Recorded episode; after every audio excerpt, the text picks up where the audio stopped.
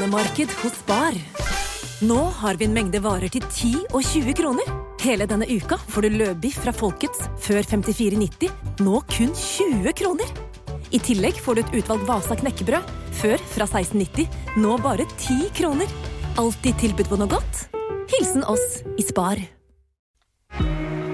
Ukas gode hjelpere er Ingrid Bjørnov og Hans Morten Hansen. Hans Morten er komiker, skuespiller og har vært å se som Gullestad side om eh, side i eh, mange sesonger. Siste sesong er spilt inn og sendt. Eh, hadde fest for en uke siden. Det var følsomt. Det var øh, følsomt. Det var følsomt, ja. Var- ja vi stopper der. Og så er jeg, øh, så er jeg influenser òg, det må du ikke glemme. Ja, det var en ny podkast, En oppheta passiar med Yummy Mummy og seniorinfluenser. Ja. Og da er jo du ikke Yummy Mummy, du er han andre. Jeg er seniorinfluenser. Ja, det liker jeg veldig, veldig godt. Uh, Ingrid, musiker, blant annet kjent for sine humoristiske sceneshow. I desember så skal de gi ut jubileumsplate med KORK i anledning 60-årsdagen, og da er det din 60-årsdag og ikke KORK sitt. Mm. For de er eldre. Ja. De er 76.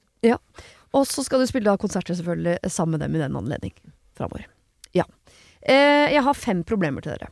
Kom an. Uh, begynner på toppen med et litt sånn eh, Et gaveproblem. Eh, kjære dere. Jeg har et lite problem, skal holde meg kort, for det vet jeg at du liker, Siri. Det stemmer. Det gjelder ikke dere, altså Ingrid og Hans Morten. Okay. Dere må gjerne være lange. Men jeg liker korte problemer.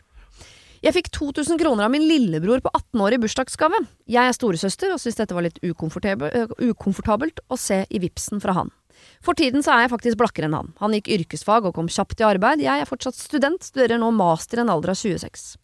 Jeg skal jo være storesøster, ta ansvar. Følte jeg nesten at det ble litt for mye penger til å være fra han, og jeg har jo ikke råd til å legge meg på samme nivå når han har bursdag. Så hva gjør jeg? Skal jeg vippse han tilbake? Skal jeg ta opp dette med han? Eh, Hvordan i så fall? Jeg må innrømme at det hele er litt ubehagelig, siden jeg faktisk har veldig stort behov for alle kronasjer jeg får tak i. Hilsen fattig storesøster. Ta imot! Ta imot. Ta imot, bruk penga, eh, og flytt takknemligheten over til neste generasjon. Så når han der håndverkerbroren får noen unger, så får de uproporsjonalt bra presanger. Ja, og det kan man jo kose seg med inni sitt eget hode, men eh, i Ja, men så du fall ta imot, ta imot. Og du må aldri finne på å matche, matche prisen. Bare blås i det. Det- Der er det virkelig tanken som teller. Bak Ja. alle gaver er det tanken som teller. Okay. Kan du bruke tid? Ja, og den, den monetære verdien er, den er underordna. Det er liksom tanken som teller. Kanskje han broren vet at hun er student eh, og holder på med en Sikkert. grad i en alder av 26, som jeg føler er litt seint i livet. Ja. Jo Bra du trykker henne ned når hun ligger nede. Jeg tok jo Ja. mine mastere veldig tidlig. Ja. Eh, men eh, Hva er det du har master i? I bitterhet Mm. og introvert holdning. Ja, Mm. nettopp, Ja, nettopp. du sto med glans. Eh, ja, absolutt. Ja, ja, ja. Det var Vurderte du doktorgrad nå? noen gang? Rett ut. Jeg har vurdert doktorgrad, men akkurat nå har jeg ikke tid. Jeg har en gammel Cand Grand Prix, Ja, ikke sant? Ja. men det kan jeg ikke heller. Nei. Nei, men han har kanskje følt at hun at Han vet kanskje at hun trenger alle penger hun kan få som fattig student. Mm. Og hvis han har da anledning til å gi henne det, eh, så ta imot, herregud. Det skal jo ikke gå utover mottaker at giver eh, enten har lagt det en null for mye på vipsen, eller Tenk hvis det er det han har gjort. Ja. Ja. Det gjorde jeg forrige uke. Ja. Ja, det Det gjorde jeg forrige uke. Jeg betalte 40 000 kroner for eh, 18 av 3 kopier, nei, 36 av 3, ark med noter på. Fikk en mail på kvelden. Du var litt raus. Oi, ja. Fikk du en 36, eller? Det skal se. Vi får se. Vi får se. De sier så. Men dere skjønner følelsen her av Ja. at man øh, Nesten uansett om man er storesøster eller ikke, men sikkert enda verre når man er storesøster, av at man får noe Ikke at man ikke tenker at man har fortjent det, eller ikke at man trenger det, men dette har jeg ikke muligheten til å gjengjelde. Ja, men hvorfor skal du ha den følelsen, da? At du må gi noe som har samme eller større verdi? Da er du plutselig inne i en, eh, i en ond sirkel, ser du. For da Og og så er det også fullt mulig å si Vet du hva, det der var også si tusen takk. Det der var altfor raust, men du veit at jeg trenger det. Ja. Sånn at du tar brodden av av den derre 'jeg er nødt til å gi tilbake det samme', for det, det, det, det er en blindvei, altså. Ja, det er det. Ja. Det er virkelig feil sted å havne. Altså, når Men det hvis, er hvis hun kan noe, hvis hun f.eks. kan eh, spikke knagger, det var jeg god til da jeg var liten, sånn knagger med litt sånn gøy mønster på. Ja. Eh, hvis hun kan noe som tar tid, men ikke koster penger, ja. så er det Det trumfer, eh, det trumfer dyr gave. Jeg skal, strikke, Ah. jeg skal strikke alle julegaver i år. Ja, da, Ja. Må jeg, da må jeg stoppe dere. For du jeg begynner tror, ikke før i desember. Nei, nei, jeg begynner lille julaften. Hvis du har en bror som har gått yrkesfag, nå skal jeg ikke sette i bås, eller det gjør jeg hele tiden, det er jo det jeg driver med egentlig. Eh, Han har gått yrkesfag, han er antageligvis ikke en fyr som elsker sånn uh, Tova-ting og, og, og ting i sennepsgult. Han er antageligvis ikke veldig sånn kunstnerisk eh, fyr som leser mye dikt. Tror jeg, da. Men de der håndverksgutta, de får jo damer. Ja, men Og så tror du får de han barn. ønsker seg hjemmespikka knagger med mønster på det? Da tror jeg det, bare gjør vondt verre. eksempel. Ja, okay. han, kan, øh, han kan få det ut i, i Han høres ut som en fyr som er glad i å vippse 2000 kroner. Han vil ikke ha noe eh, hekla tilbake. Da vil han faktisk heller ikke ha noe, tipper jeg. Hvis jeg kjenner han rett. Han må bli 40 før han skjønner dette her. Ja, ja, ja. Da kan han få noe hekla greier. Men det er så Det, er så, det å vikle seg inn i den 'Å nei, da må jeg'. Ja, ja, ja. ja, ja. er det sånn, og, og så er det det omvendte, det er de som du pakker opp en gave, og så begynner de allerede altså, Den var på salg, altså! altså! De bare begynner å disse sitt eget Det, det husker jeg når mine foreldre var i live og sånn på julaften og greier. Jeg, jeg, jeg, jeg er en raus Jeg er en raus fyr. Jeg elsker å gi. For Du er en fyr som å nei, men, nei, helst ikke på Vips, men jeg elsker å gi ting som jeg vet at denne personen trenger eller blir glad for, eller et eller annet sånt. Ja. Og til foreldrene mine, så var de var jo 180 år eh, på slutten der. Uh, de har jo da akkumulert alt de trenger i løpet av et liv. De har jo alt. Mm. Eh, og hver julaften så satt jeg og pakket opp gaven, så var det sånn Og du skulle ikke ha gjort, og du skulle ikke ha gjort. Og så var det et år jeg ikke gjorde det. Da fikk du høre det, da. Ja. Da ble det surt. Sant? Så det er Akkurat det med gaver er litt sånn kilen. Ja. Men, men jeg, jeg tenker akkurat i dette tilfellet her, så har hun en bror som er i arbeid eh, og tjener som håndverker antagelig helt greit. Mm. Eh, og så har han da ei storesøster som han er veldig glad i, som er student og ikke har så mye penger. Og han har mulighet til å gi henne 2000 kroner i gave. Herregud, det er ikke noe å stusse på engang. Ta imot og vær happy. Men hun kan, selv om det sikkert er litt seint nå, bare for å liksom få sagt For jeg tror hun har litt sånn behov for å bare få sagt noe om følelsene sine, og få sagt til han Mm. Tusen takk, det var jo i overkant raust, eh, lillebror, eh, men du vet jeg trenger pengene, så jeg setter virkelig pris på det. Og jeg håper at jeg en dag har muligheten til å enten eh, matche den gavmildheten din, om det blir til deg eller barna dine, det vet jeg ikke, men en dag skal jeg liksom Ja. ikke betale deg tilbake, men en dag skal jeg være like raus. Ja, men da forplikter, sånn forplikter, ned. du deg til å gjøre det. Det holder å si 'tusen hjertelig takk for gaven'. Den kom veldig godt med. Den Ja. trengte jeg. Ferdig arbeid. Du trenger ikke si at 'når jeg får anledning til det', så Nei. kommer jeg til å betale tilbake. For da kommer han og sitter og venter på det, og så blir han sur, og så sender han melding med 'når har du anledning'? Ja. Ja, men det er det samme som å, å det, det det er en ting å lære seg. At du kan få ting uten at det skal gjøre deg stressa. Ja. For det Men er det sånn, vi har en sånn skuff Vi har en hylle i gangen, vi. ja. Med sånn panikkgaver. Ja. Ikke sant? For plutselig kommer det noe sånn Æ, vi har ikke noe! Ja. Er ikke bra. Nei. Nei, jeg har et litt sånn annerledes forhold til gaver enn alle mine venner, og det gjør at jeg havner i en del rare gavesituasjoner, hvor jeg alltid etterpå blir sittende og tenke at min sjel var jo ren, men nå sitter jeg og føler meg som en idiot. Jeg har ganske mange eksempler på dette, jeg kan komme tilbake til en annen gang. Men eh, Så derfor kjenner jeg meg veldig igjen i storesøster, at det er eh, Med en gang det blir noe ubehag rundt en gave, så har man litt lyst til å forklare seg. Ja. Så ok, så ikke si at jeg skal betale tilbake, eller snart det blir din tur, eller ja. men si noe om at oi, det var i overkant raust, jeg setter veldig, veldig pris på det, og kan slenge inn en liten sånn Jeg håper du vet at jeg ikke har muligheten til å gi gaver på dette nivået. Nei! Nei, jeg, Ikke? jeg, nei, du skal Hvorfor slutte. ikke? Vi driver ikke og bytter. Nei, for da, da skaper du en Nei, vi driver ikke og veksler det er ikke, Vi driver ikke med sånn kursgreie. Nei. Eh, og det er, litt, det er litt det samme som når Du vet når folk er forsinka, Ja. og så sender du en melding 'Jeg blir litt sein'. Mm. Det går fint, altså. Men du, eller, eller de ringer deg og sier 'Jeg blir litt sein'. Du skjønner, og der skulle de stoppa. Ja, Jeg driter i hvorfor de er seine. Jeg er ja. glad for at de forteller meg at de er det. Absolutt. enig. Det er Så, enig. så det er litt sånn treningssak. Jo, men hvis hun får på en måte kjøpt seg ut av da, la oss si at han har bursdag i, uh, i april, da. Så fra sånn februar til april så begynner hun å grue seg, for hun lurer på hva hun skal gi til han. Hun har ikke muligheten. Ikke sant? Det er et ubehag i henne som ikke han antageligvis tenker på, men som hun tenker på. Så bare for å kjøpe seg fri fra det ubehaget der, ha muligheten til å si et eller annet som hvor hun Men hun skal, hun skal si det første du sa. Ja, Som er sånn 'tusen takk, det var i overkant raust, men du veit jeg trenger det'. Takk skal du ha. ferdig. Ja, Ferdig. ferdig. Ferdig. Stoppe. Okay. Ikke forklare mer. Nei, ok. Da er vi ferdige. Forklaringsbehovet er, eh, det er, det er sterkere enn seksualdriften. Abs ja, Jeg har så innmari forklaringsbehov. Mye mer forklaringsbehov enn seksualdrift, Ja. for å si det sånn. Og eh, apropos stoppe der, så stopper vi der. Ja. Eh, fattig storesøster, du skal si veldig veldig takk. Det regner jeg med du har gjort allerede. Hvis ikke, så, og du Ja. kan takke igjen og si det var veldig raust, men du vet at jeg trenger det. Og så stopper du det der. Ja. Ja. Ok. Jeg blir 20 minutter sein. Stopp! Stopp. Ikke noe forklaring. Ikke noe forklaring.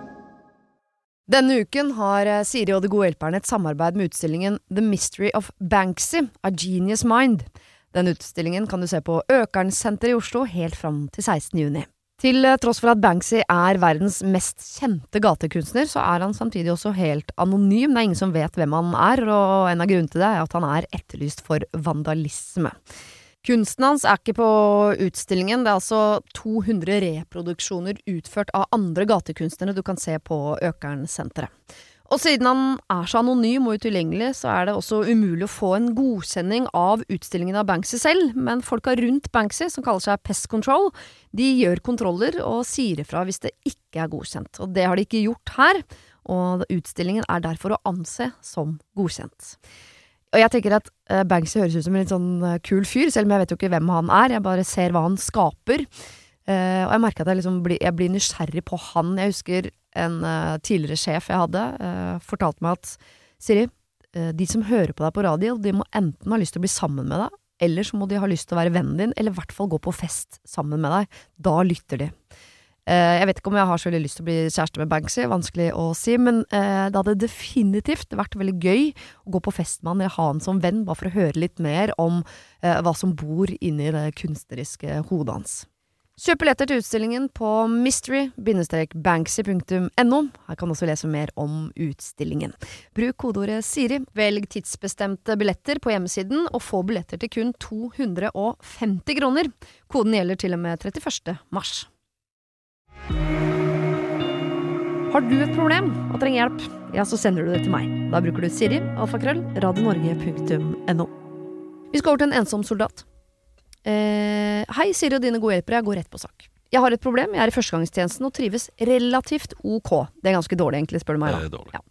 Hadde det ekstremt bra i rekrutten med veldig bra folk, og gleda meg hver dag til å stå opp og møte alle sammen igjen. Nå har vi fått tildelt stillinger og har vært her i rundt en måned. Her har vi fått nye rom, og jeg er ikke med noen av de jeg var med i rekrutten. Jeg føler at alle rundt meg har fått så god kontakt, og alle har noen å være med, dra til kantina med og henge generelt med på kvelden. Det har ikke jeg. Hjemme har jeg mange venner og jeg har aldri følt meg alene, men her føler jeg meg så alene, og jeg merker at det virkelig tærer på motivasjon og glede. De på rommet er greie, ikke min type folk, men eh, prøver å være med på de samtalene jeg kan. Ellers så sitter jeg som regel alene i senga, mens de eh, har mange samtaler og ler og hygger seg. Jeg hører hva de sier, jeg hører at det er ting som ikke interesserer meg i det hele tatt, og jeg er generelt et menneske som ikke klarer å fake interesse eller latter. Eh, det er spesielt hun ene på rommet som aldri eh, klarer å være hyggelig mot meg. Da mener jeg helt sånn grunnleggende folkeskikk. Hun ignorerer meg, svarer ikke når jeg spør om ting, himler med øynene hver gang jeg sier noe som gjør det veldig begrenset for meg å prate og smile. Eh, noe som er eh, vanlig i, eh, spesielt i Forsvaret. Da, eh, det jeg reagerte ekstra på, er at jeg med absolutt alle andre Nei, ekstra på er at med absolutt alle andre, så er hun veldig pratsom. Interessert, hun ler høyt, og jeg skjønner ikke hvor den kalde skulderen kommer fra, eller hva jeg har gjort. Jeg merker at jeg ikke klarer å holde på sånn her i et helt år, men eh, det er så å si umulig for meg å dimittere. Eh, har dere noen tips til hva jeg kan gjøre for å få det bedre ut året? Takk på forhånd. Klem Selma. Søk eh, overføring til ubåt. Ikke ubåt. Ingen skal ha ubåt. Jo, Nei, uff, jeg orker ikke å Jeg, jeg får så klaus av å tenke på ubåt, og jeg orker ikke at andre skal være ubåt engang. nei. Jeg tenker at det er todelt, jeg. Ok? Fordi det ene er å kjenne på hvor mange kule venner du har et annet sted. Mhm. -hmm. Begynn å skrive postkort. De, folk blir helt sjukt overraska hvis de får postkort sånn, sånn med bilde på. Ja. Begynn å sende til de du veit at er flokken din. Mhm. Sånn at du kjenner på sjøl at du har, du har dem. Mm. Og så må du på et eller annet vis fungere på det rommet, for det, det høres jo ut som om hun vil fungere, men egentlig ikke syns de er så spennende, de hun deler med. Mm. De, hvilket vil si at hun trenger ikke nye bestevenner. Det virker ikke som hun har potensielle nye bestevenner i den gjengen. Nei. Men hun må liksom Hun må la det rulle. La dem synes at hun er litt Altså, ikke prøv så hardt. Mens det derre trollet som eh, skal disse henne eller ta henne eller ser henne som en trussel eller noe sånt, må hun egentlig konfrontere. Men var dette en jente, eller en gutt? Ja, Selma. var en. Ofte. oh, ja, oh, ja, okay. Ofte, ja. Selmer av og til, men denne gang Ja, jeg, Selma. jeg, jeg, jeg beklager, jeg fikk ikke med meg det. Men, men for meg som da avtjente min verneplikt i 1984, så er jo dette en litt ukjent problemstilling. Ja. Eh, For i hele Bardufoss leir, som er en relativt stor leir, var det to eh, kvinner. Mm. ene var sanitetsbefal, og den andre var på radar. Ja. Eh, så det var jo ikke helt uten grunn at de aller aller fleste var syke opptil flere ganger i uka og måtte på Alltid litt vondt i tissen. Ja, alltid vondt. Et. Mange Ja. hadde jo reelt det òg. Ja, for Det hendte var Den er helt stiv, skjønner ikke. Ja. Ja. Eh, så så det, da var det jo veldig begrensa. Ja. men men eh, det som var greia da for, for mitt vedkommende, var eh, at eh, vi skulle rett til Bardufoss. Skulle være der i ett år eh, på, i luftvernartilleriet. Ble da første dag delt inn eh, seks mann. Dere skal dele det samme rommet, samme kanonen, samme bunkersen i ett år. Bli venner. Ferdig arbeid. Ja. Og da, da er det ikke noe vei rundt det. Nei. Du bare må, og det tror jeg jo er litt av Forsvaret sin oppgave med å Uh, på en måte For det er jo et tverrsnitt av Norges befolkning som er inne til førstegangstjeneste. Mm. Uh, og det å lære de ikke bare å lage tellekant i skapet og reie opp senga si, men òg å omgås andre mennesker som du i en potensiell krigssituasjon f.eks. er 100% avhengig av å stole på fullt og fast med ditt Mm. eget liv, Mm. eh, så tror jeg at eh, du, må, du må på en måte velge dine slag litt òg, med at eh, OK, det er ikke min greie å være med akkurat de, men jeg skal gjøre det beste ut av dette likevel. Ja. Jeg skjønner at det kan være tungt, og misforstå meg rett, men jeg skjønner at det kanskje kan være ekstra tungt for en jente Mm. Å kjenne på det. Altså Gutter er jo ofte, eller i større grad i hvert fall, tror jeg, litt sånn eh, ensomme ulver uansett.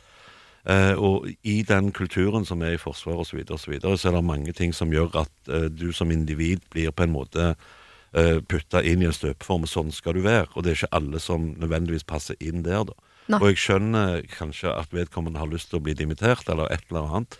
Alternativt så kan du jo søke om å bli overført til en annen avdeling. Og bare gå til psykologen og si 'dette går ikke for meg', skal jeg gjøre min plikt, så må jeg gjøre det eh, et annet sted enn Ja. akkurat her.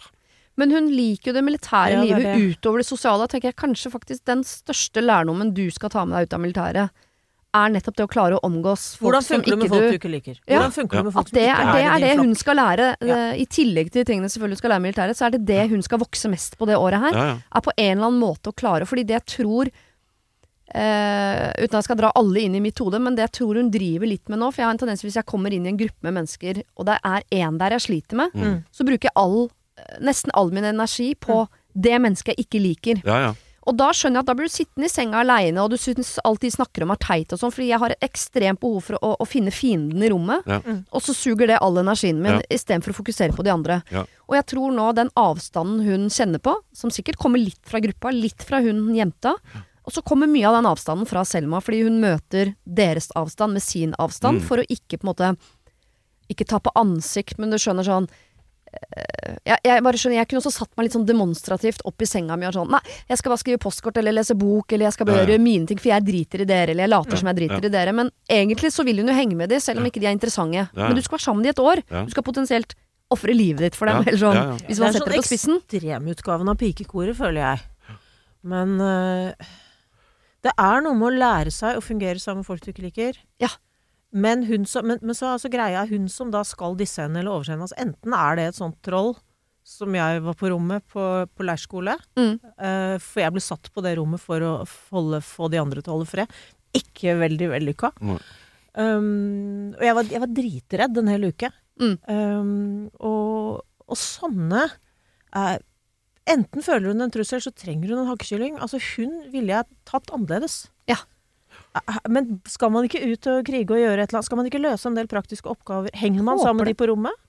Nei, man, altså, skal man ut i krig med de man er deler rommet? For å snakke om min erfaring med det, da. Så rommet der var jo bare der du var når du skulle sove. For vi var jo, eh, hva skal du kalle det, i aktiv tjeneste. For vi hadde jo beredskap. Og ble liksom kjørt ut på stilling fredag, eller mandag morgen og kom tilbake fredag ettermiddag. Jo, men kunne det være seks stykker på rommet hvor den ene drev med eh, radar, og den andre var på sanitet, og den tredje var i bombegruppa. alle, alle hadde samme funksjon. Ja, ok, ikke sant? Ja, så, ikke sant, fordi så dette er folk hun samarbeider med også på dagtid om militære gjøremål. Jeg vil tro det. Ja, jeg vil absolutt tro- tro det.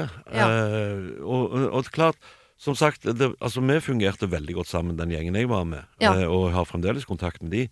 Eh, men jeg, helt klart ikke alle som klarer å gjøre det. Altså, det er jo alltid, det er jo alltid én full onkel i et bryllup. Ja. Ja. Ja, ja. Tante Eh, full og onkel drita. Ikke Ja. sant? Ja. Så du må på en måte, igjen som jeg sa, du må velge dine slag. Du må se, Er det vits å bruke energi på det? Mm. Og det som du sa, Siri, kjenner meg jo veldig godt igjen i fra scenen. Mm. Men du står og opptrer foran en sal, og så alle ler og koser seg noe jævlig, så er det ett sura tryne Ja. På første rad. Ja. Og så blir du så opphengt i det. Ja. Altså, for du vil vinne den over på de sida.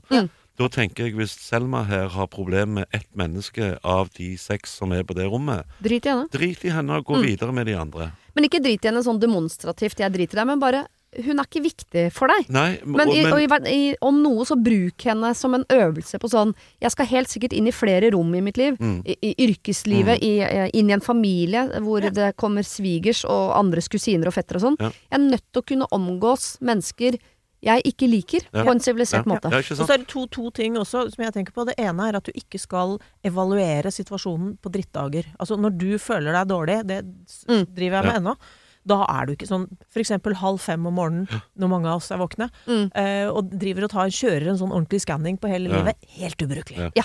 Eh, så så ikke, ikke tro at du finner sannheten på dårlige dager. Nei. Da ser du ikke det riktig. Og det andre er at eh, det trollet Prøv å ta det i farta. Hvis det er sånn eh, Du spør om noe, så får du ikke svar, så si eh, Bente. Ja. Ja. Hei, du. Hallo. Jeg spurte om noe. Eller, Ja. altså, så, men, men sånn at det ikke blir en sånn 'jeg må snakke med deg'. Nei, ikke, ikke ta en jeg må Ikke- snakke nei, med deg. Det det. tror ikke jeg heller man Nei. skal. Nei. Prøv å nærme deg henne på en annen måte, Ja. og ikke møte henne sånn som hun møter deg. Selv om hun overser deg, så syns jeg ikke du skal overse henne. Bare oppfør deg helt sånn vanlig. Nei, og hun skrev vel òg at uh, hun, var, hun visste ikke hvor denne kalde skulderen kom ifra. Altså, Nei. hva var det? Og, og og det, det, dette var jo en annen jente, eh, Ja. antar jeg òg. Eh, og det kan jo være mange grunner til at hun opplever at hun blir møtt med en kald skulder. Det kan være sjalusi, for eksempel. Ja, hun kan jo hende ligne kan- på en som den andre hadde gym sammen med i andre klasse, Ja. som var en ordentlig dritt. Ja. Eller hun merker at du ikke liker henne heller, og det er ikke hun vant til, for hun pleier å bli likt, hun. Ja. Og da syns hun du er helt uhåndgripelig. Vet ikke Ja. hvordan hun skal behandle deg. Nei, jeg, jeg ville på en måte heller fokusert på de menneskene som faktisk gir noe tilbake, og så ignorert dette mennesket i den grad det er mulig å gjøre det. Ja. Og Ja. ikke møt den liksom avstanden du kjenner på fra gruppa, med avstand fra deg, for da kommer dere aldri noe nærmere. Så jeg vil i større grad oppsøke disse kjedelige samtalene. Og, og bruk det som en læringsarena på sånn Nå skal jeg lære meg å sitte i kjedelige samtaler. Ja. Og prøv å se om du kan stille noen oppfølgingsspørsmål til kjedelige samtaler som gjør at samtalen blir spennende, da. Eller ja. Og så er det der, det Gå er litt det, sånn liksom. livs, livslærdom. Ja. Og så har du det, det trikset til en niese som skulle på folkehøyskole og var livredd. Hun tok med seg en popkornmaskin. Hun sa 'liker de meg ikke nå, så liker de meg aldri'. Nei, ikke sant? Jeg vet ikke om det er lov i krig. Eh, jo, men det forutsetter jo at du har strøm, for jeg antar at denne De bor jo ikke i Ja. telt. Nei, jo, ofte gjør du det. Ja. Ja. Ja. Men, men eh, det, det, altså det der med skal si, generell kommunikasjon er jo kjempevanskelig. Men jeg gikk jo på et sånt kurs en gang. For jeg eh, ble gjennom et par forhold gjort oppmerksom på at jeg har to store svakheter. Den ene er at jeg er en veldig dårlig lytter. Mhm. Og det andre var et eller annet piss jeg ikke fikk med meg. Men, men, men det, det, det gikk i da, var at du skal, du skal Når du samtaler ansikt til ansikt, så Ja. skal du gi den andre anledning til å snakke om seg Ja. og stille spørsmål som da åpner for at den andre kan snakke om seg. Mm. Som for eksempel hva faen er ditt problem? Ja. Da åpner du jo alle dører. Da, er det, da blir det en samtale. Hvor fin den blir, vet vi jo ikke, men du har i hvert fall gitt muligheten til det. Ja, ja. Ja, må du du ikke viser krangle, interesse. og så må du ikke krangle når du er sinna. Nei, det er, aldri. Nei, det, det er skikkelig vanskelig. ja. Du må ikke ta den der på natta, eller nei, Nei, seint på kvelden, vent, eller vent, Nei, ikke, vent til ikke, en ikke, ikke Og ikke med våpen i hånda. Jo Nei, Ja, nei. kan, Løvblåser! ja, løvblåser er bra. Det er Ja. bra. Selma, eh, du skal ikke dimittere. Eh, du skal bruke dette som en læringsarena. Ikke bare på militære eh, gjøremål, men på det rent sosiale også, i forhold til å klare å fungere med denne gruppa. For dette er en gruppe du kommer til å møte igjen i arbeidslivet. Den dagen du treffer din svigerfamilie. Den dagen du flytter inn i et nabolag hvor det bare er masse tilfeldige folk som bor ved siden av hverandre. Altså Dette er kjempeviktig lærdom for resten av livet. Du må kunne omgås folk du ikke liker. Det må du. Apropos omgås folk du ikke liker. Min tafatte Så så og du på meg, og så Nei, tenkte jeg oi, nei, skal vi begynne nå. Nei, nå, ja. over, det var en bro over til neste problem. ja, det er deilig. Ja. Min tafatte og passive, men riktignok snille og greie eks skulle bo hos meg en periode fordi han ikke hadde noe annet sted å bo. Jeg var snill og tenkte at dette skulle gå fint, og dessuten skulle han betale noe husleie. Bruddet var ikke vondt eller dramatisk, og vi har i flere år vært gode venner. Han har for så vidt betalt husleie og er ellers en grei fyr, men nå virker han til å ikke ønske å flytte. Jeg spør hver dag om når han skal flytte, og han kommer alltid med unnskyldninger om hvor vanskelig det er å finne leilighet, at jeg må slutte å mase på han. Det er blitt dårlig stemning, og han sier selv at han ikke ønsker å bo med meg eh, lenger, han heller, men at han ikke har noe annet sted å dra da han ikke har noen familie eller andre nære venner som bor i nærheten. Jeg ønsker å date, og jeg ønsker å leve mitt liv, og jeg føler ikke at jeg kan det når han bor hos meg, når en ny, ny date antageligvis syns at det er litt rart at eksen bor hos meg. Han er altså veldig stille og introvert, og syns det er irriterende når jeg har venner på besøk, og det er nå blitt konstant dårlig stemning. Det hører med til historien at han skal ut og reise over en lengre periode om et par måneder, og jeg tror han drar ut tiden for å slippe å betale husleie et sted mens han er borte. Jeg hadde kanskje ikke syntes eh, det hadde vært så ille om det hadde vært eh, litt bedre stemning, men nå gruer jeg meg til å komme hjem fra jobb hver eneste dag. Og jeg har prøvd alle mulige taktikker til nå i månedsvis for å få han til å dra, og så ramser hun opp noen taktikker hun har prøvd. Silent treatment, men det tror jeg han bare syns er deilig i og med at han er så introvert. Da slipper han å prate. Kjefting og annen verbal kommunikasjon. Ja, jeg har til og med vært forbanna. Jeg har sendt hundrevis av annonser på leiligheter han kan leie, men han har ikke dratt på en eneste visning.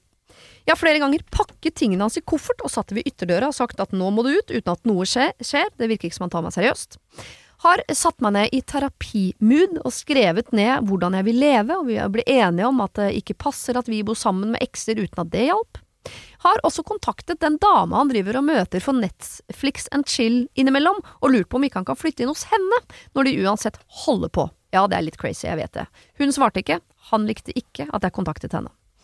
Er det noen instans som kan hjelpe meg med dette? Han har jo ikke gjort noe feil eller ulovlig, jeg syns bare ikke det er noe hyggelig å bo med han lenger, hva kan jeg gjøre? Hilsen Linn. Den var lei. Den var eh, For det første Nå har jeg prøvd alt. Linn Ja. Trenger må, Vi må dele ut eh, dagens tålmodighetspris. Ja. For maken til kvinne Mm. eh, kan være lurt at det blir slutt. Ja. ja Men fordi bare, denne type uttaling eh, er jo ikke noe bra på noe vis. For dette visste dere jo ikke når jeg bare ga dere overskriften eh, litt tidligere, men dette, de var jo ekser før han flyttet inn. Så dette er på en måte en slags vennetjeneste, men det gjør det jo heller litt mer spicy når han også er en eks. Jeg tror hun må slutte å lete etter annonser for ham. Hun Ja. må sette inn annonse og leie ut det rommet. Og der han Ah. bor, og få inn en annen Ja, roomie. Gi han en dato. dato. Ja. Du skal jo dra. Ja, fordi det er noe Jeg kan jo skjønne det økonomiske ved å ikke begynne å leie et sted idet du skal reise bort. Hvis du skjønner? Ja, men han må jo ut. De har, altså, ellers så må hun begynne å ha temafester og mye flere dater og mye flere Ja, ja. selskaper og gjøre alt han hater. Ja, være Men det veldig ekstremt som hun har gått hele runden. Ja, og, men, men, og jeg bare kjenner for min egen del at det hadde ikke jeg hatt tålmodighet til. Jeg hadde vært mye hardere. Jeg hadde vært brutal. Ja, og så tror jeg vel at kanskje han øh, Men hun har jo ikke tålmodigheten til det, for hun, har- hun har jo pakket tingene hans, og han, han, Ja, han han tar jo ikke hensyn til Han hennes utålmodighet. forveksler henne med sin mor. Ja, Han er hjemme. Hun er altså, snill. han, det er jo åpenbart han som har problemene her. Ja. Hun er bare ekstremt, som Ingrid sier, ekstremt tålmodig osv., osv. Men når han ikke catcher noen som helst signaler, og det er jo øh, Dette har sikkert pågått over ganske lang tid nå. Ja, det vil jeg tro. Eh, da hadde jeg bare sagt, vet du hva, nå eh, er det nok. Rett og slett, nå er det nok. Der Mm. er kofferten din, det er en grunn til at den står der. Adjø. Men det har hun jo gjort noen ganger nå. Han tar henne Men ikke seriøst, og det skjønner jeg, for det er jo ikke seriøst. Fordi han pakker ut av de koffertene igjen, og da står du jo Jeg der tror og må ha en ny koffert inn, jeg. ja. Med litt varsel. Ja, Og det kan være, og det kan være ljug. Det Ja. kan være et fiktiv leiegård. Snakker vi eskorte her? At hun får seg en eh, stor eskortemann Ja, som hun later bli- som om dyrt, er kjæresten hennes? Men ja, det, det kan man selvfølgelig, men det blir fort dyrt hvis du skal gå til de profesjonelle. Ja, Som står på døra med koffert og sånne tatoveringer på halsen. Ja, og, dag. og et veldig fiffig høreapparat. Ja. Ja, ja, ja. Med Jeg, tror noen må inn, jeg tror noen må inn og drive ham ut. Sånn at det blir så folksomt der at han ikke orker Rett og slett kjøre en liten eksorsisme. Ja. Og få Ja. denne demonen Eh, ut av leiligheten. syntetiske vaniljeduftende Ja, ikke sant. Da Ja. er det kjørt. ja. Hun, hun må bare gjøre alt det han ikke liker. Og det er jo åpenbart veldig mye. Ja, for hun har jo prøvd For nå er det bare dårlig stemning. Alle holder ut dårlig stemning. Det må bli ordentlig snakket dårlig stemning. han, hun har vært sint. Hun har, altså hun har gjort Hun har jo virkelig gått runden som om de skulle bli sammen igjen, og kanskje det er det han langt, langt, langt langt der inne. Kanskje han dater for å prøve å gjøre henne sjalu. Det er et eller annet der. Ja. Å nei, ikke Jeg orker ikke det elementet også av at han egentlig vil ha henne. Nei. Nei, det må vi ta. Ja, det må hun slippe bare, å- det må hun slippe slippe å å håndtere. tenke på. Han må ut. Men for jeg skulle ønske at han, for jeg tipper Jeg er helt enig med henne i hennes teori om at han har tenkt å bo der fram til han skal ut og reise. Mm. Jeg skulle ønske han kunne være ærlig på det og si sånn, vet du hva. Jeg tenker at jeg skal bo her fram til jeg skal reise, fordi rent økonomisk er det en jævlig god butikk for meg. Skjønner det, men han har jo oversett alle de andre signalene. Ja, det burde han sagt for så- lengst. Ja, så det, det, er noe, det, er noe, det, er noe, det er noe mer der, altså. Men kan hun hjelpe ham med det Jeg, sånn, vet du jeg vet at du skal ut og reise snart, så jeg skjønner at det er klønete for deg å finne et sted å bo nå i noen uker, for så å betale leie mens du er på jordomseiling, eller hva faen man skal for noe. han bare tenkte å kan- la de tinga stå, vet du. Ja, men og heller si en sånn Det er helt greit. Det er dårlig stemning her. Jeg gruer meg til å komme hjem hver eneste dag. Jeg har lyst til å, å ligge med fremmede menn i stua her uten å tenke på at du er her. På rommet hans. På rommet ditt. Mens Eh, du er der. Helst. Ja. Men du skal, få lov til, å- du skal få lov til å bo her fram til du reiser. Ja. Ja. Men når du kommer fra, tilbake fra den turen, så det er ikke en det er ikke en overnatt. Så tingene dine må stå på lager Ja, mens du reiser bort. Og når du kommer hjem, så må du ha en annen plan. Den håper jeg du legger før du drar. Ja, Men det er ikke mitt ansvar. låsen er skifta, nøkkelen passer ikke. Alt, Ja. Hun må bare Hun må være mye mer brutal enn det hun er nå. Og hvis dette Ja. ikke er kjempelangt fram i tid, så må hun bite tenna sammen. Ja, men jeg tenker at Hun du må skal gi ham den datoen, sånn at han Ja, men ja, da det er det noe ut. med den datoen. Du må være brutal, men sak, hun kan ikke være brutal sånn 'Du må flytte ut nå!' For det går ikke. Han kan ikke bli satt på gata. Også Nei, må han bo i den, te- han må ha sånn, en varsel, han må ha en nedtelling. Ja. Eh, og, så, og da må det komme noen inn. Jeg kommer til å leie ut til noen andre mens du er borte. Ja. Og si Så sånn, er du ikke, du kan jo ikke fordi det lukter. Flyttelass blir stående, han betaler ikke leie, men har alt stæsjet sitt hos henne Ja. mens han er et annet sted. Det er det det lukter. Du skal jo reise 2. November, eh, 2. februar. La oss si det er det, da. Noe Uff, sånt. det var lenge til. 2. februar så reiser jo du til Filippinene. Ja. Eh, og jeg har fått en ny leieboer som flytter inn her 2. februar. Ja. Så det vil si at 1. februar så må du flytte alle tingene dine på lager og bo på hotell siste natta. Mm. Og da kan hun jo på en måte bruke tiden Og tiden fram mot det Jeg skal ikke ha noe surmuling på at jeg har folk her. Det er min leilighet. Så hvis jeg vil ha toga-party, hvis det fortsatt er lov, uh, hver dag fram til du reiser, så skal du holde helt knyst om det. Togaparty er lov hvis alle er informert om at det er det det er på forhånd, og har skrevet under på et skjema. Ja. Så er lov. Og Togaforeningen har godkjent. Ja, de har godkjent. De har godkjent. Jeg kjenner hvor lenge siden det er. Ja, vet du, jeg sto og tenkte på det her forleden, faktisk. For det er lenge siden jeg har vært på toget. Jeg vet ikke om jeg har vært det nå. Ja. Jeg har vært det. Det vi hadde togaparty på en, på en turné. Jeg tror vi var på Sortland. Ja. Veldig mystisk. Ja. Gule laken på hele hotellet. Kjemperart. Jeg ble usikker på nå hva to den toga Er det gresk eller Romersk. romersk? Ja. ja er det. Og Sortland er jo den blå byen, så det er klart eh, det er få ting som passer bedre enn et gult togaparty der oppe. Det, er- det var rene Ikea-stemningen. Ja, Er det Norges styggeste by med vakreste natur rundt, eller? Uh, jeg vil ikke uttale meg Nei. veldig bombastisk om det. Nei, men, altså, Det er ikke noe gærent med Sortland, men den blåfargen det tok litt overhånd. Ja, Vi måtte ikke male hvert eneste blikkskur i den blåfargen, måtte vi det? nei Det, Det ser rart ut. Ja. Kommer litt an på tidspunktet på døgnet. Men hun må i hvert fall bare skumringen bare så ser ut som det er morgen, bygd der. morgengry er det kjempelekkert. Hun, hun venninna vår her må jo bare få denne fyren hun, må- hun må, som du sier, sette en dato. Da Ja. må du være ute, for da skjer det Han store er ikke omveltninger i allergisk livet mot mitt. noe, da. Han har ikke noe sånn Hva er det int mot? intoleranse som hun kan og sånn, ja. pirke litt borti, for eksempel. La oss håpe det. Vaniljelys og Mhm. kattunger. Det er jo bare å Syntetiske kjøpe vaniljelys og, og omplasserte kattunger. Sett en dato. Tenker Gjør du livet hans de- litt vanskelig fram til den datoen. Ja. Eh, Og og pass gled deg at- til han flytter ut. Alt må ut med ham. Teiper du en pose med kattunger under senga hans? Så kan han ha det så godt. Og så fyrer på et duftlys òg, så er det han er ute før du rekker å si allergi. duftlys skal onde fordrives. Yes. Mm. Mm. Ung kvinne drepte kattunger med duftlys. Ja. Denne uken har eh, Siri og De gode hjelperne et samarbeid med utstillingen The Mystery of Banksy, A Genius Mind. Den utstillingen kan du se på Økernsenteret i Oslo helt fram til 16. juni. Til eh, tross for at Banksy er verdens mest kjente gatekunstner, så er han samtidig også helt anonym. Det er ingen som vet hvem han er, og en av grunnene til det er at han er etterlyst for vandalisme. Kunsten hans er ikke på utstillingen, det er altså 200 reproduksjoner utført av andre gatekunstnere du kan se på Økernsenteret. Og siden han er så anonym og utilgjengelig, så er det også umulig å få en godkjenning av utstillingen av Banksy selv, men folka rundt Banksy, som kaller seg Pest Control, de gjør kontroller og sier ifra hvis det ikke er godkjent. Og det har de ikke gjort her, og utstillingen er derfor å anse som godkjent. Og jeg tenker at eh, Banksy høres ut som en litt sånn eh, kul fyr, selv om jeg vet jo ikke hvem han er. Jeg bare ser hva han skaper. Eh, og jeg merker at jeg, liksom blir, jeg blir nysgjerrig på han. Jeg husker en uh, tidligere sjef jeg hadde, uh, fortalte meg at Siri, de som hører på deg på radio, de må enten ha lyst til å bli sammen med deg, eller så må de ha lyst til å være vennen din, eller i hvert fall gå på fest sammen med deg. Da lytter de. Jeg vet ikke om jeg har så veldig lyst til å bli kjæreste med Banksy, vanskelig å si, men det hadde definitivt vært veldig gøy å gå på fest med han eller ha han som venn, bare for å høre litt mer om hva som bor inni det kunstneriske hodet hans. Kjøp billetter til utstillingen på mystery-banksy.no. Her kan du også lese mer om utstillingen. Bruk kodeordet Siri, velg tidsbestemte billetter på hjemmesiden, og få billetter til kun 250 kroner. Koden gjelder til og med 31. mars. Har du et problem og trenger hjelp, ja, så sender du det til meg. Da bruker du Siri, alfakrøll, radionorge.no. Ok, dere, vi skal over til litt søt musikk. Det kan være deilig nå. Ja, det passer. Jeg har et problem jeg vil uh, ha hjelp med. Jeg og eksen, det er ekstet også, jeg uh, gikk fra hverandre i mai, etter åtte år sammen og ett barn. Det var et vanskelig brudd, og det kom frem at han har gjort mye bak ryggen min. Vi har allikevel et godt samarbeid rundt dette barnet og felles bolig, uh, men vi bor fra hverandre. I høstferien oppsto det søt musikk mellom meg og en av kompisene hans. Det vil si, de har kjent hverandre lenge, men aldri helt funnet på noe sammen, altså. I hvert fall ikke så lenge jeg har vært inne i bildet. Kompisen er superherlig, han er snill, han er god og mye av det jeg ønsker meg. Men nå denne uken så dumpet han meg fordi han var redd for at eksen skulle få en reaksjon. Jeg sa jo at det er forståelig det, men jeg er egentlig ganske knust, jeg. Så hva kan jeg gjøre nå? Jeg vil jo gjerne fortsette med denne kompisen, men jeg er jo også litt redd for ringvirkningene her.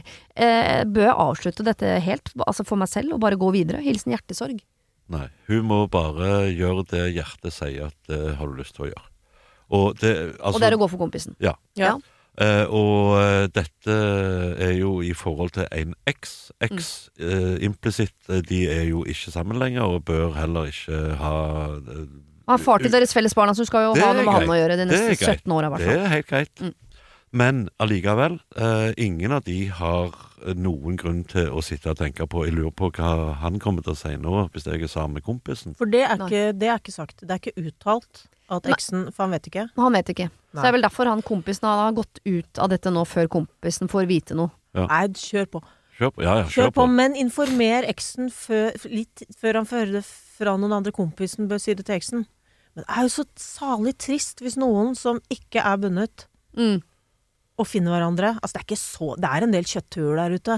Ja ja. Det er langt mellom hvert potensielle eh, ordentlige kjæresteforhold hvis det er en ordentlig kandidat her. Du kan ikke la han gå av frykt for at en eks skråstrek barnefar skjønner Mm. det med kommunikasjon, men det kan Jeg har eh, Hvordan skal jeg si det? Jeg har vært i en lignende situasjon. Du kan si det på den måten. Ja, jeg sier det. sa det veldig jeg godt nå. sier det.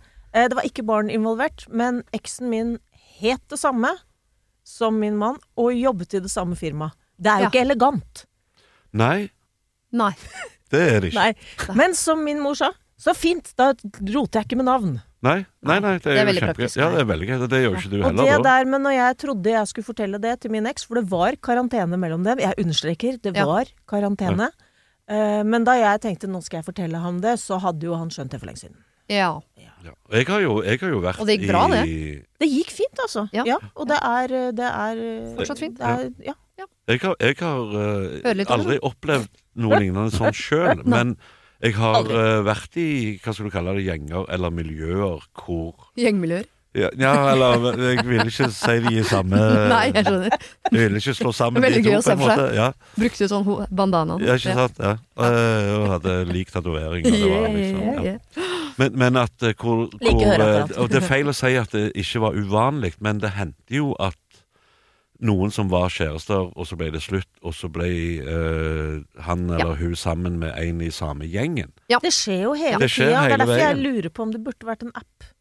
En sånn bordplasseringsapp. Ja, for Ja, Så legger du inn, ikke sant. Laila og Guttorm. Ja. Guttorm var sammen med? Laila. De, Laila er lei seg. Guttorm har fått ny dame. Hvor lenge skal Laila ikke bli invitert fordi at Guttorm Ja. Fordi de var fra, og de var fra hver våre sider, så de var likestilt. Det var ikke noe sånn ansiennitetsgreie. Jeg har kjent ham lengst. Det var ikke noe sånn. Nei. Laila var min, Guttorm var, var driftssjefen sin. Men, men det, Ja, som Ingrid det- sier òg, det, det er jo veldig greit at i sånne situasjoner, når sånne situasjoner oppstår, at ting er. Oppgjort og avklart. Mm. At det ikke er overlapp og glidende Ikke sant? overganger. Hvis For da blir det litt så, da blir det sårt. med Og, en det, gang. og jeg bet meg merke i at det hadde skjedd ting bak ryggen hennes. Ja. Så vi skal ikke være helt sikre på at, at X ikke har ting han, han- skulle Kanskje han òg var sammen Men hvis du leder i informasjonsforflytning, altså Ja. hvis, du er, hvis du sier ifra og er litt sånn skikkelig Jeg veit at dette kanskje ikke er så kult for deg, men du veit jo at eh, Oddvar og jeg har likt hverandre. Ja. Og det har han sikkert merka med en gang. Han sikkert visst det Men nå glemmer vi jo et viktig element her. At hun er jo villig til alt dette som vi nå sitter Mm. og sier. Men det er jo han som har sagt jeg ønsker ikke å fortsette dette nå, for jeg er redd for hva din eks kommer til å si. Ja, Så da dette må jo hun må ha hun en alvorsprat med han. Mm. Ja. Og så må hun bare være brutal og spørre eh, Er du glad i meg. Syns du at eh, vi har det fint sammen og sånn? Mm. Og betyr det mer for deg, ditt forhold til Trygve, eller hva han nå heter, Mm. eh, enn din kjærlighet eh, ja, Oddvar. og potensialet for meg, liksom? ja. Føler er jeg. Og så er det X. Det er ikke overlapping. De har ikke gjort noe kriminelt. Jeg sier ikke at det ikke er vrient, for det er Nei. Jeg har også Jeg vært med på det at folk uh, roter til uh, Ja, men det er jo den gjengen. ja. Ja, men skal den gjengen krysse Altså og, og så går det noen år, og så er det så er det sånne kryssinger. Og folk blir sammen med folk de har klina med på leirskolen. Altså 40 år etter seg, plutselig sammen igjen. Og er det sånn what? Ja, for jeg, jeg må si at jeg, jeg ville slite med at en venninne av meg hadde blitt sammen med en jeg var forelska i på ungdomsskolen. For, jeg, jeg, det er, for meg er det noe hell... Det er mitt. Ja, Så possessiv er jeg på det. Ja. Men hvis hun hadde kommet Jeg overdriver selvfølgelig, for det er jo det jeg driver med. Men eh, jeg hadde hatt veldig problemer med at en venn av meg hadde blitt sammen med en eks av meg. Det hadde jeg syntes vært ordentlig vanskelig. Jeg bor jo på landet, vi har vært innom det. Ja. Uh, og på det lille stedet der så har jo nesten alle vært sammen. Det er å ta de er jo i slekt òg. Ja, det er de. Og, men, men i tillegg til at det er den ene bor med etternavnet fra den andre gården Mm. på den gården som ikke heter det etternavnet Ja, ja. heter. Ikke sant? Det er bare surr. Og alle har, og det har vært, de har gått på ungdomsskole sammen. De Ja. har vært på leirskoler. De har, det har vært så mye kryssurr der, men fordi stedet er så lite, så er det litt sånn som det er. Ja, jeg bor ikke så langt unna deg, Ingrid. En, litt større litt større sted. Men der er det jo det samme. Folk flytter bare rundt i hverandres hus hele Ja. tiden over en lav eh, og Så jeg, jeg godtar at det er sånn, men for meg som har hatt eh, luksusen av å bo i, eh, i Oslo sentrum hele min oppvekst, Mm. så trengte vi ikke Vi kunne ta T-banen én stasjon lenger ut Mm. eh, og finne nye. Så jeg har aldri måttet dele. Nei, å få en X inn i jeg igjen hadde, er jo en rar ting. Å få en X inn i løpen igjen er en rar ting. Nei, men sånn, sånn så Jeg har jo vært gift to ganger, Mm. eh, og Med to forskjellige. Ja, Ja. ja, Ja, det er bare greit å få det. Ja, Ja. ja. eh, og uh, Det er det som er vanligst, er det ikke det? Og, og både de og meg har jo gått videre, sant? Mm. Uh, og, og hvis du er For min del, da, så altså Ingenting gjør meg mer glad enn at jeg ser at mine ekser eh, går videre. For jeg er en vond fyr å erstatte på veldig mange felter. Absolutt. Eh, men å se at de finner liksom i hvert fall eh, second best, om ikke noe annet, Mm. eh, så gjør det meg eh, tilfreds. på en Selv om måte. det er en kompis av det. Det har det ikke vært i noen Nei, av for det disse det, som, tilfellene. det er det som er liksom Ja, jeg, ja, som men jeg skjønner at det er kilen, men så lenge et forhold er avslutta, Ja og alt mulig, så utover det, kall det kompisrelasjonen, så er det jo andre følelser i folk som bør bety mye mer. Ja. Så jeg ville snakket med, som jeg sier, med denne personen og sagt Er du oppriktig glad i meg? Ser du for deg at vi kan ha en framtid sammen? Mm. Eh, eller er ditt vennskap til min eks viktigere enn det? Ja. For hvis det er det, så er ikke han all verden å samle på likevel, selv om de har det fint. Mm. Så, så er Og det liksom... er jo liksom den samtalen han må tørre å ta med sin kompis, og Ja. da får hun se litt hva han tør å stå opp for. Ja, for Hvis dette bare handler om ubehag at det er sånn, Jeg liker egentlig deg veldig godt, jeg bare orker ikke det ubehaget. Så tenker Ja. jeg sånn, det er jo bare Det må du. Selv om jeg ikke hadde likt at min eks osv., så, videre, så er jo det bare en situasjon jeg må eh, håndtere og Ja, stå i. Og så blir, Ja. går, er det noen uker, måneder kanskje, og så er det Og så tenker man ikke på det lenger. Nei. Så man må bare grann gidde å gå gjennom det som ubehaget. skjer med eksen, for det hjelper veldig hvis du skal omgås eksene dine. Ja. og og jeg kommer også fra et ganske lite miljø. Ja. Uh, så, så hjelper det jo hvis de etablerer seg igjen. Altså det hjelper for alle hvis Ja, ja. folk har det bra. Og, Ja. og her må jo denne nye kompis, venn, hva du skal kalle det, hennes, må jo òg da skjønne at det er et felles barn det er snakk om her. Det Mm. vil være naturlig kontakt, som du sier, i hvert fall i 17 år til. Ja. eh, og sånne ting. Og, og bare akseptere det. Men selvfølgelig har jo de en slags relasjon, men det er jo ikke en kjærlighetsreaksjon. Det er en Nei. mer eh, pragmatisk eh, situasjon de må håndtere på et eller annet vis. Mm. Eh, og, og, og det å gå rundt og, og kjenne veldig på Men eh, han kompisen kommer sikkert til å bli sur på meg hvis jeg er sammen med deg, osv. Altså, Men det er jo en sånn nydelig felle, da. Det der driver vi jo med hele tiden. Vi tror vi, tror vi forutser andres reaksjon. ja, ja. Mm. Det er ikke sikkert det er sånn. Ja. Kommer helt an på datingkalenderen til X. ja. Men det, et, et spørsmål som jeg må stille på uh, Hjertesorg sine vegne her, som jeg tipper at hun sitter og lurer på. Eh, for hun må jo overbevise da denne eh, gutten om at han um, må drite i kompisen Mm. og gå for henne. mm. Eh, kan hun komme an i forkjøpet og snakke med sin eks og si vet du hva, jeg har fått følelser for kompisen din? Hva tenker du om det? Da er jo katta ute av sekken allerede, så da kan du jo like sett fortsette å Da går hun for ham. Da Ja. går hun hans ærend, syns jeg. Ja, samtidig er- Hun har jo en relasjon til sin eks, så hun har jo også lov til å snakke med eksen sin om hvor hun er. Ja, men er. da snakker de om en tredjeperson som ikke er der. ja. Jeg tenker at den riktige rekkefølgen vil være at kompisen sier du, Ja. jeg har vært på kino. Ja. Og det er ikke sikkert du kommer til å like dette her. Men Fordi at da er det, da er det litt sånn mann mot mann. ja. Jeg er enig i at det er riktig rekkefølge, men hvis dette er en mann som ikke har gutsen til å gidde å klare å stå i det ubehaget, skal man bare rive av det plasteret foran og si sånn Sånn! Nå er du midt i det ubehaget, nå må du bare nei, håndtere det. Nei, jeg syns ikke hun skal gjøre det. Altså, de, de to må ha en prat. Hun må, føler jeg, spør, spør han er du Kjære meg. Ja. Ja. Eh, hvis han bekrefter det, si, da, sa han, eller, da må hun si at vet du hva, da må du snakke med Ja, det er nettopp det. Ja. Så kort fordi oppsummert, sånn- ikke gi han opp. Nei, for egentlig guds ikke gi han opp. Men ikke Si du rive av plasteret på hans vegne. Nei, ok. Det er, han, det er hans plaster, det. Ikke, ja. Det er hans plaster. I hvert fall ikke før dere er sammen. Da kan vi diskutere um, plasterpirking. Ja, ok. Plasteret blir på. Det er han som på. må eventuelt dra av det, eller Han- i fellesskap, hvis dere blir enige om at det er en god løsning. Eh, men du må ikke gi opp han. Mm. Snakke med han. Ja. Eh, og, og, og hjelpe han liksom å bli trygg nok på at han kan velge deg. Ja, og hvis han er usikker på det om hans Hva skal du kalle det? Redsel for at eh, eksen skal bli sur, Ja. er større enn hennes Eller hans kjærlighet til henne. Mm. så er han ikke. Det er er han ikke sikkert ikke- da er er en han god ikke det. Da- kandidat. nei. Nei. Ok, vi skal avslutte med et juleproblem. Vi begynner å renne inn nå. Kjør på. Ja.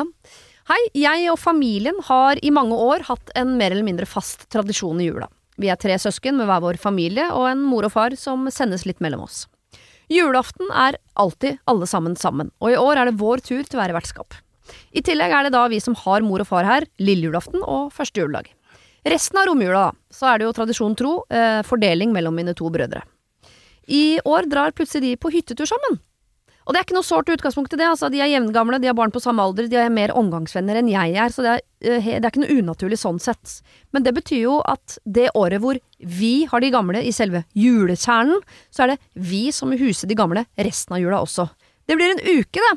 Sorry, elsker mamma og pappa, men det er litt mye.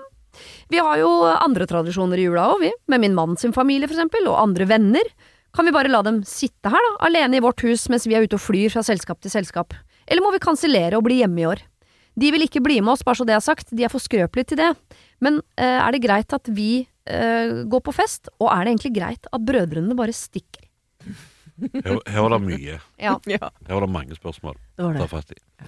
Men eh, jeg, jeg skjønner det med at ei uke, uansett hvor glad du er i og det trenger ikke være foreldrene dine engang, kan være hvem som helst, eh, ei uke er litt i overkant. Ja. Med litt flaks så kan jo være at foreldrene kjenner på at nå har vi overstayed our welcome. Mm -hmm. uh, og at vi kanskje bør trekke oss tilbake til seg sjøl. For åpenbart så er de jo i stand til det. det er ikke, de er jo ikke åpenbart ikke på noe sykehjem eller noe. De, de fremstår jo som om de faktisk klarer seg sjøl. Men hvis de er der da, eh, eksempel da julaften, første juledag, andre juledag, Mm. så er jo andre juledag en av de travleste reisedagene i året, for da skal alle hjem til sitt. Ja. Så da ville jeg kanskje i forkant prøvd å avtale at kanskje dere være her til andre juledag, da, og så har Ja. jeg så mye som jeg skal for min del. Jeg skal til Astrid og liksom alt det greiene der. Og så forstår de foreldrene forhåpentligvis det. Ja. at det er greit, liksom. ja nå Det er, en rar, det er en rar brødreting å gjøre. Det er litt sånn vi har blitt enige om noe. ja. Det er litt sånn makta. Ja, og så dumpe med foreldrene våre, våre Ja, nå kan hun sitte, hun er hjemme. Det går bra. ja. Hun tar det. Ja, for det er jo det de har gjort. Ja, fordi, Ja, det det fordi de man, har i utgangspunktet så pleier man ting, og, og hjemme hos oss er det nå sånn at veldig mye av det vi pleier, det har gått helt i knas, fordi at det er noen søsken som har blitt besteforeldre. Ja. Og når folk blir besteforeldre, da blir de kjemperare. Ja. Uh, og så lager de sin egen klan og sin egen haug, og plutselig er det sånn Ja, nei, vi skal ikke, nei, ok, vi skal ikke se noen Så er Game of Thrones i gang. Ja, Ja, ja, ja. rett og slett. Rett og slett. Sånn at uh, Nei, brødrene har skulka i, uh, i familieråd. Ja. Og Hvis de hadde sagt du, hva tror du om Vi har lyst til å dra på hyttetur, hva syns du sånn? Ja. Ellers, Ja. Er, ellers så må hun booke hytte. Ja, eller Ja. neste jul skal hun si vet du hva, jeg skal til Granka. Jeg. Dere, eh, mamma og pappa blir hos dere. Ja, for de burde jo vært Egentlig så tenker jeg at en løsning her kunne vært at man snur på det og sier sånn Jeg vet at det er vårt år i år til å ha mamma og pappa her fra eh, lille julaften til og med første juledag. Ja. Men i og med at dere er borte hele romjula, så syns jeg egentlig vi skal omrokere det og si at mamma og pappa er hos dere. En av brødrene, da. Ikke han som hadde i fjor, men Ja. han som skal ha neste år, antagelig. da Ja, ja. At mamma og pappa er hos dere i år, fra lille julaften til første juledag. Og så kan de være hos oss fra andre juledag og resten uh, av romjula. Og så må de avtale med foreldrene sånn. Men dere vet jo at fjerde juledag så er jo vi hos min manns familie. Ja, ja. Og femte der så skal jeg ut med noen venninner, bare sånn at dere vet det. Eh, Men da kan jo dere være sammen med barnebarna, eller, Ja, ja. eh, også, er eller spise gode Ja. julelunsjer med de før man går ut. Men bare være sånn Være helt tydelig med foreldrene sine på dette er riggen vår i jula. Fordi, ja. nå, vet, nå kjenner ikke disse foreldrene, men det er jo noen foreldre som er sånn Det virker som jo eldre man blir, jo mer og mer komfortabel er man med å bare sitte i en sofa 24 timer i døgnet. Du trenger ikke være så gammel. Nei, jeg skal Altså, ikke sikkert de kjenner på sin er besøkelsestid heller. Det er, det, sofa er veldig undervurdert som, som nær relasjon. Ja, men jeg, jeg tenker, Det er ikke sikkert de kjenner på besøkelsestiden etter liksom seks døgn i den sofaen. Og mens alle de andre som flyr inn og ut dører, og det ene selskapet her og der, og sånn, Ja. så kan det godt hende at de er helt komfortable med det. Og så er de kan- ubehaget hos deg, som tenker sånn Sitter du der Ja, og det fortsatt? er nettopp, ikke sant. De kan jo sitte og tenke at denne sofaen er jo oppsiktsvekkende komfortabel, faktisk. Ja. Vi blir her til tredje nyttårsdag med oss. Men, men, eh, men folk eh, pleier ting. Ja. Og det er en sånn vrien ting å omgå. Hvis Ja. de pleier, pleier å være borte hele tiden og sånn. Men, eh, men jeg syns at eh, de gutta må være med på å planlegge den jula. Ja. Ja. For jeg nemlig Jeg tror nå eh, hun som har skrevet dette her, har snakket mye med sin mann om hvor irriterende dette er. Mm. Verken sagt det til eh, den ene eller den andre broren, eller snakket med foreldrene om hvordan jula blir i år. Nei. Så dette er bare sånn irritasjon som ligger inni henne og mannen hennes, som de sitter og gnager på på kveldene og, er, og fyrer seg opp. Ja. Sånn at de er, kommer til å være irriterte den dagen mor og far kommer på besøk. Men de er Uten irritert at de skjønner allerede lille julaften, og da er det Ja, lange ja, ja. dager De er irriterte nå. Vi er i Ja. november. Er det, Så- er det noe lys? Så- Julen begynner altfor tidlig. Ja. Hvis du får et duft, begynner som, på som lukter gamle foreldre, som har sittet lenge i en sofa, ispedd litt ribbe Å, ribbeduftlys. Ja. Mm. Det hadde vært noe, det. Men hva, hva sier vi da til disse her? At hun kan snakke med brødrene sine og si Det det der var litt ugreit. Yes. eh, Ja, var kan vi omrokere så fint, dere tar julaften i år? Ja. Men det var, det, var, det var veldig fint forslag du kom med der, Siri. At uh, da kan de ha eh, foreldrene de første dagene. Så kan Ja. de være hos oss resten av uka. Ja. Det er Ja. helt greit, liksom. Og så må man si ifra til de på forhånd at vi er jo ikke hjemme hele tiden, for vi har jo noen andre tradisjoner.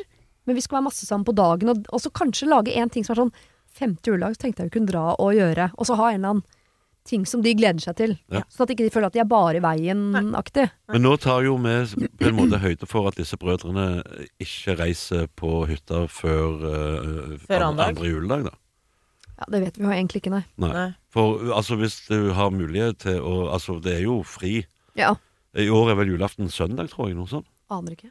Helt Og da har du jo fri etter du er ferdig på jobb på fredag. Da vil du jo på den hytta når du vet at du skal være der. Så det er jo godt mulig at de reiser liksom før lille julaften, da, på en måte. Nei, men de skal jo feire julaften sammen. Det skal de. Ja, de feirer alltid julaften sammen, står det her. Ja, de er i- alltid alle sammen sammen på julaften, og så bytter de på. Til og med nå. Ja.